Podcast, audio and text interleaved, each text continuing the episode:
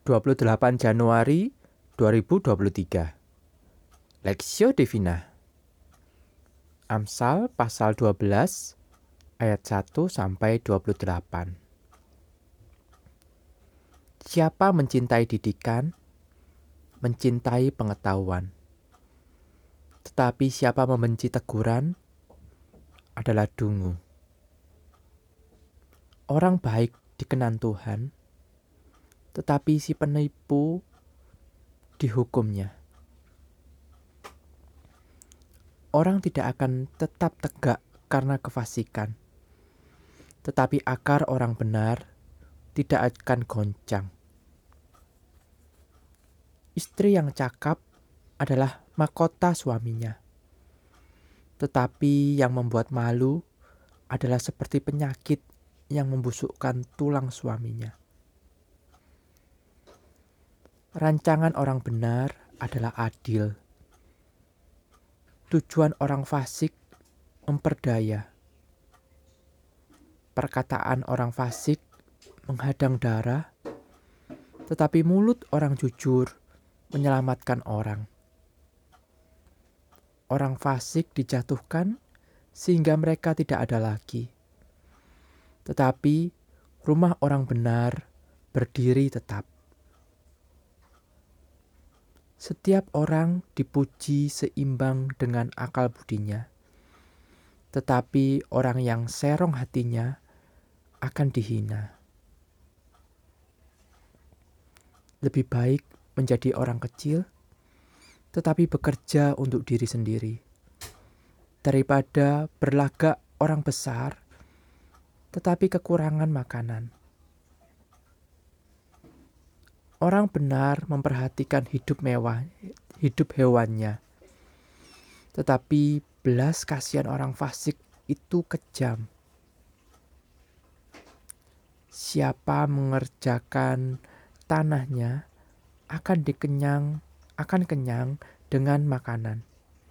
Tetapi siapa mengejar barang yang sia-sia tidak berakal budi. Orang fasik mengingini jala orang jahat. Tetapi akar orang benar mendatangkan hasil. Orang jahat terjerat oleh pelanggaran bibirnya, tetapi orang benar dapat keluar dari kesukaran.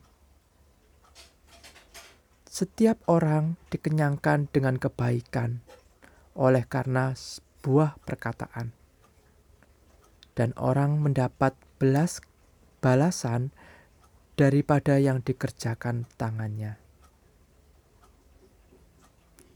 Jalan orang bodoh lurus dalam anggapannya sendiri, tetapi siapa mendengarkan nasihat, ia bijak.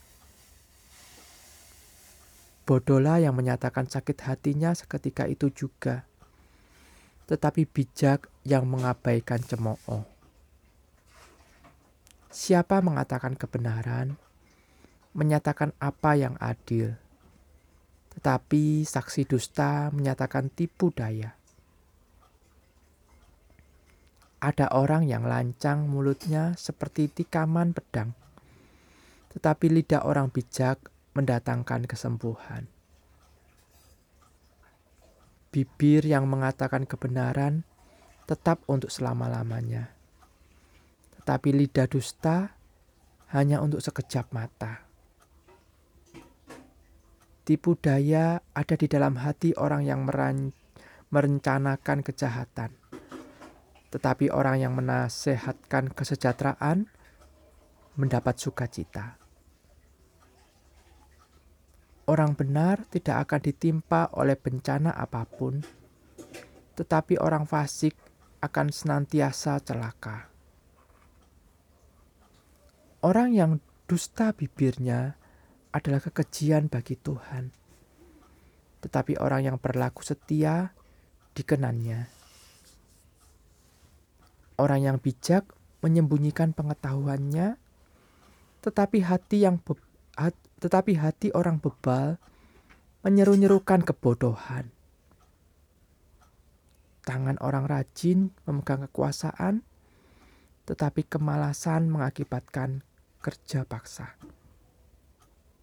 Kekhawatiran dalam hati membungkukkan orang, tetapi perkataan yang baik menggembirakan dia.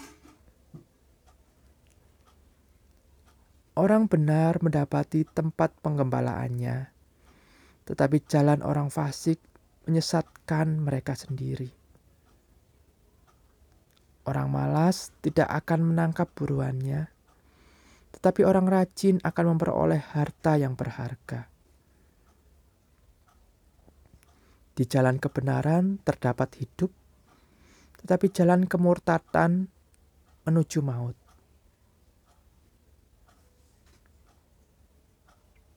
pamer kepintaran perspektif.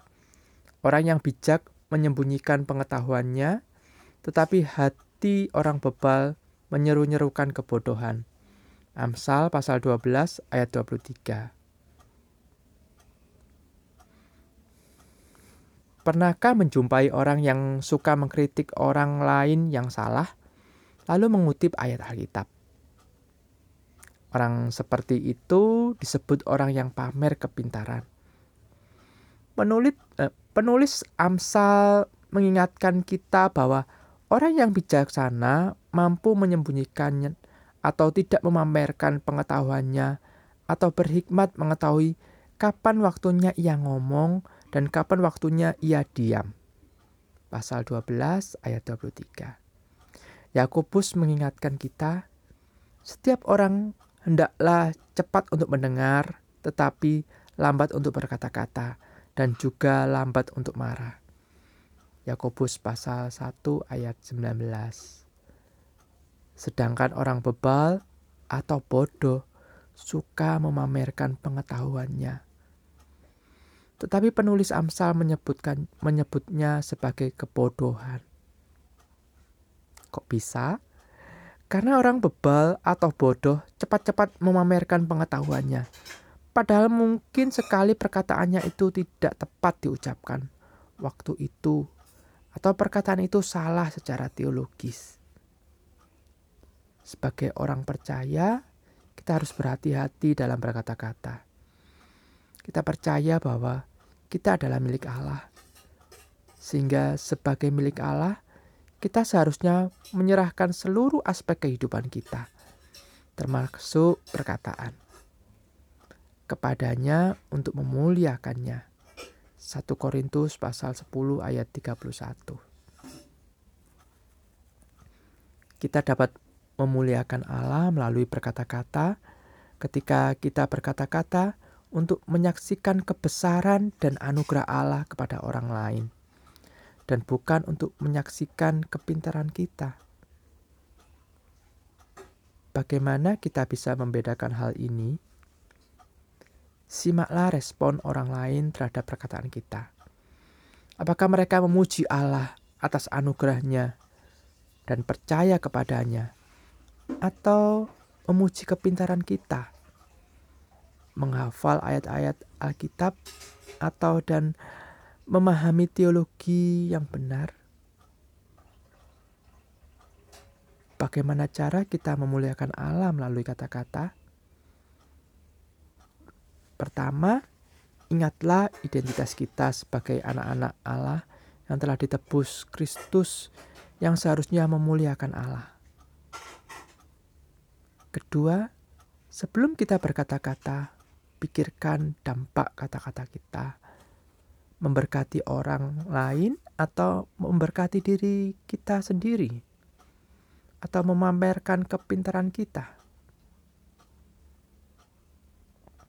Ketiga, mintalah rekan atau mentor Anda dalam GDG atau gereja untuk menguji perkataan kita dan segeralah bertobat jika kata-kata kita memamerkan kepintaran kita studi pribadi, sudahkah kita benar-benar hidup bagi Allah? Sudahkah kita berkata-kata untuk memberkati orang lain dan bukan untuk memberkati kita?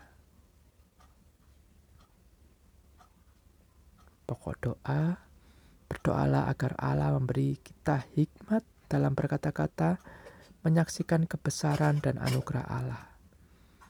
Para hamba Tuhan diberikan kepekaan dan hikmat dalam menguraikan firman Tuhan kepada jemaat.